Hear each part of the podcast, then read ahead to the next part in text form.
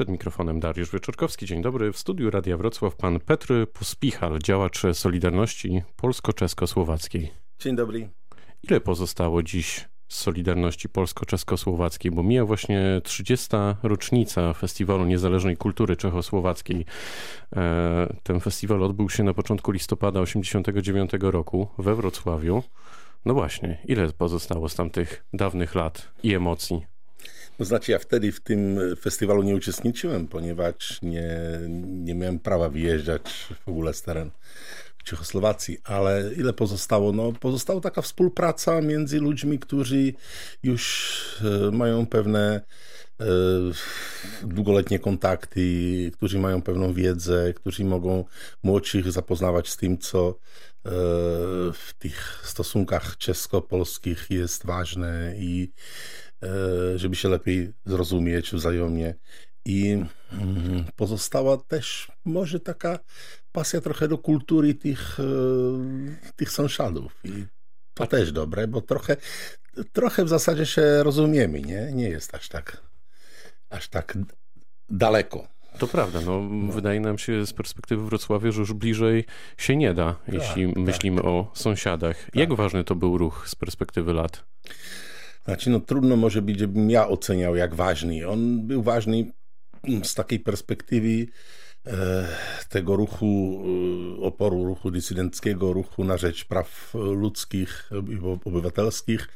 Ważny był dlatego, że e, mieliśmy taką, to jest wypracowaliśmy sobie taką okazję porównywać Czechy, Czechosłowację z Polską, rozumieć motywacją i mm, myśleniu naszych kolegów z Polski, no i na odwrót. Myślę, że dla mm, e, dysydentów polskich, e, czy tam działaczy polskich, e, takim dobrym właśnie autorytetem był Wacław Havel i jego siła bezsilnych jako tekst, który naprawdę wpływał. To, to, to, na ile wiem, wielu Polaków czytało ten tekst, ale on miał duży wpływ też w Czechach, ten tekst, nie? z roku 78. Siódmego chyba.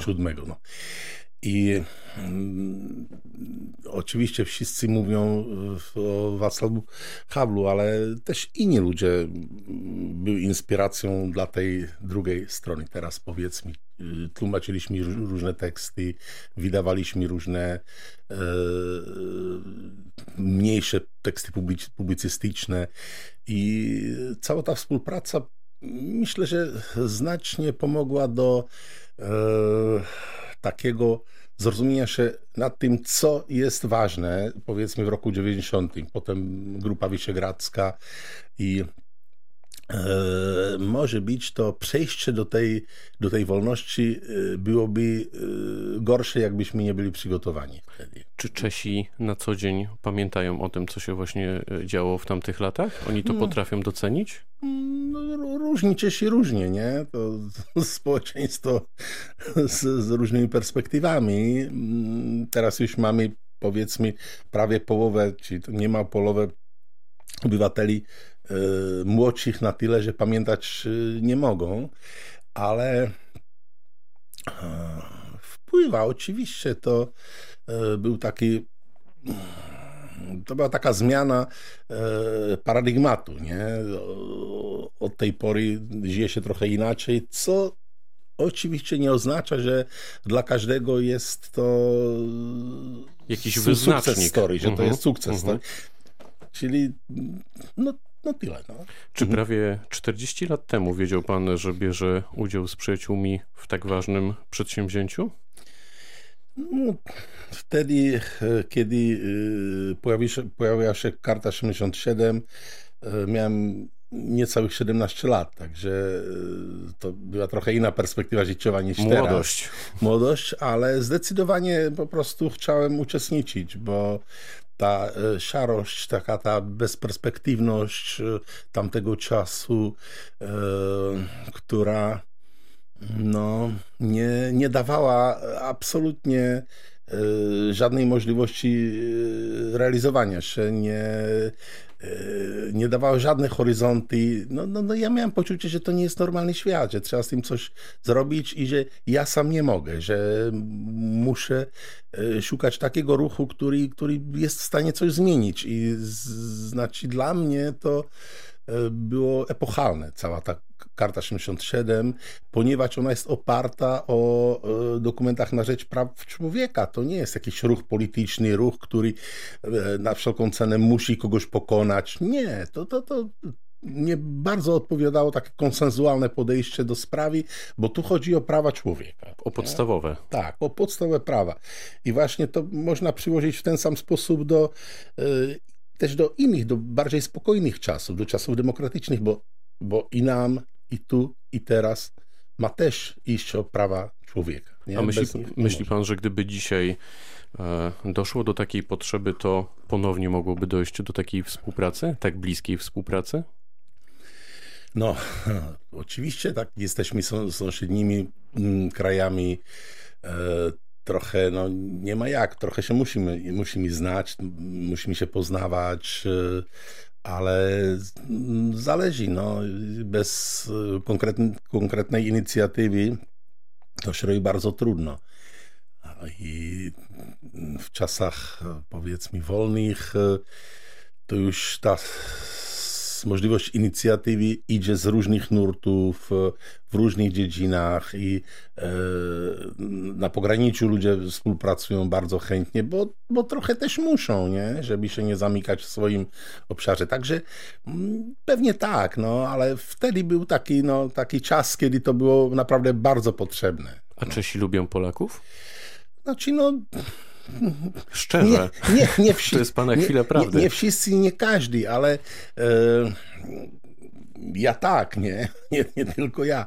Myślę, że tak, że nie ma żadnego, e, żadnej wrogości, tylko e, może być czasami były potrzeba lepiej się poznawać, czyli ze strony polskiej powiedział, lepiej promować kulturę, bo kultura najlepiej daje wyobrażenie o sąsiadach i E, my tego potrzebujemy wszyscy, bo tu będziemy obok siebie żyć e, nadal i następne pokolenia. I e, jak nie wypracowalibyśmy jakiejkolwiek tradycji tego przyjacielstwa, tego sąsiadztwa dobrego, to, to skąd potem, nie? No. W takim razie, co poza granicą w Pana ocenie łączy Polaków z Czechami? Co mogłoby połączyć? Oprócz tej kultury, o której też rozmawiamy.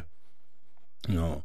My jesteśmy e, podobni do być, siebie? Może to jest e, nieodkryte? Może być sposób, jakim, jakim się wyrażamy. Język, e, pomimo że trochę brzmi inaczej i używa innych słów, jest, ma bardzo podobną strukturę. Stare, stare to jest historycznie stare słowa są bardzo podobne, albo czasami znaczą coś odwrotnego, ale widać, że te korzenie tam, tam są bardzo dawne. Czyli sposób, jak myślimy o świecie, jest bardzo bliski. I sposób, jak patrzymy na e, świat, e, też jest bardzo bliski, bo no, to się zmagamy z podobnymi wyzwaniami. Nie? Tak historycznie powiedzmy, mieliśmy zawsze za sąsiadów Niemców, mieliśmy e, za sąsiadów innych e, Słowian i, i mieliśmy zawsze coś wspólnego z powiedzmy Poludniem, Austrią, Austro-Węgrami, czyli e, jest tu taki fundament, który nas zawsze łączy i który, e, e, który daje to, że patrzymy podobnie na świat. Dwa tygodnie temu w Pradze doszło do wielkiego protestu przeciwko władzom. Dlaczego Czesi protestują? Protestują dlatego, że cała ta sytuacja nie jest dobra. Czyli e, ruch premiera Babisza jest trochę technokratyczny, trochę taki, no powiedzmy, e, nie myśli w nie myśli zbyt politycznie, ale raczej technokratycznie i e, trochę pragmatycznie. I e, specjalnie osobowość premiera Babisza daje wiele znaków pytania. Nie? To on ma duży konflikt interesów, on zwykle nie odpowiada na pytania tak, żeby wyjaśnić żeby się, żeby się czuł odpowiedzi. Mhm. Znaczy, ten konflikt interesów myślę, że to jest to najważniejsze. I czym no. to się skończy Pana zdaniem? W dłuższej perspektywie oczywiście zmianą władzy, ale ta perspektywa może być dłuższa. Jego wyborcami są ludzie, którzy nie traktują całą tą epokę jako epokę własnego sukcesu. Nie? I on im daje taką perspektywę, że może być on, człowiek sukcesu, im go daje w końcu, nie? Ale przy tym w ogóle nie patrzy na ten ogromny, ogromny naprawdę konflikt interesów, pobieranie dotacji w sytuacji, kiedy on o nich decyduje, a jego holding ich przyjmuje w sytuacji, kiedy faktycznie ma władzę nad pewną częścią prasy i mediów i jednocześnie jakby korzysta z faktu, że jakoś o nim piszą i Czesi mają taką takie poczucie, że to nie jest fair i że trzeba grać trochę, trochę fair. Nie? Z perspektywy tych demonstracji może być drugą sprawą jest, że taki całkowity nurt jest niewyjaśniony. No to są pewne zarzuty do premiera Babisza, są e, pewnie niezadowolenia, oczekiwania, ale nie można powiedzieć, że e, te demonstracje stwarzają e, jakiś ruch polityczny w tej chwili jeszcze. No. Jakie pan widzi w takim razie na koniec największe wyzwania na najbliższe lata dla Europy i Unii Europejskiej? Dla Unii, no, bym powiedział, że trochę więcej integracji i trochę więcej regulacji. Widać, że taki ten świat, w którym każdy może cokolwiek i nie powinien przy tym patrzeć na środowisko, na innych ludzi, na inne interesy, że taki świat nie można utrzymać długo. I my jako Europejczycy, jako Europa jesteśmy potężną, potężną siłą. Tylko, ale wtedy, kiedy będziemy razem i kiedy trochę e, będziemy zdolni ustąpić od, od, swoich wyobrażeń, od e, swoich własnych takich małych, małych uprzedzeń czy swoich perspektyw i musimy się nauczyć pracować razem. No powiedział Petr Pospichark, działacz Solidarności Polsko-Czesko-Słowackiej, który był gościem rozmowy Dnia Radia Wrocław. Bardzo dziękuję za spotkanie. Ja też dziękuję i pozdrawiam wszystkich słuchaczy. To był Polsko-Czeski Poranek. Dobrego dnia, pytał Dariusz Wieczorkowski.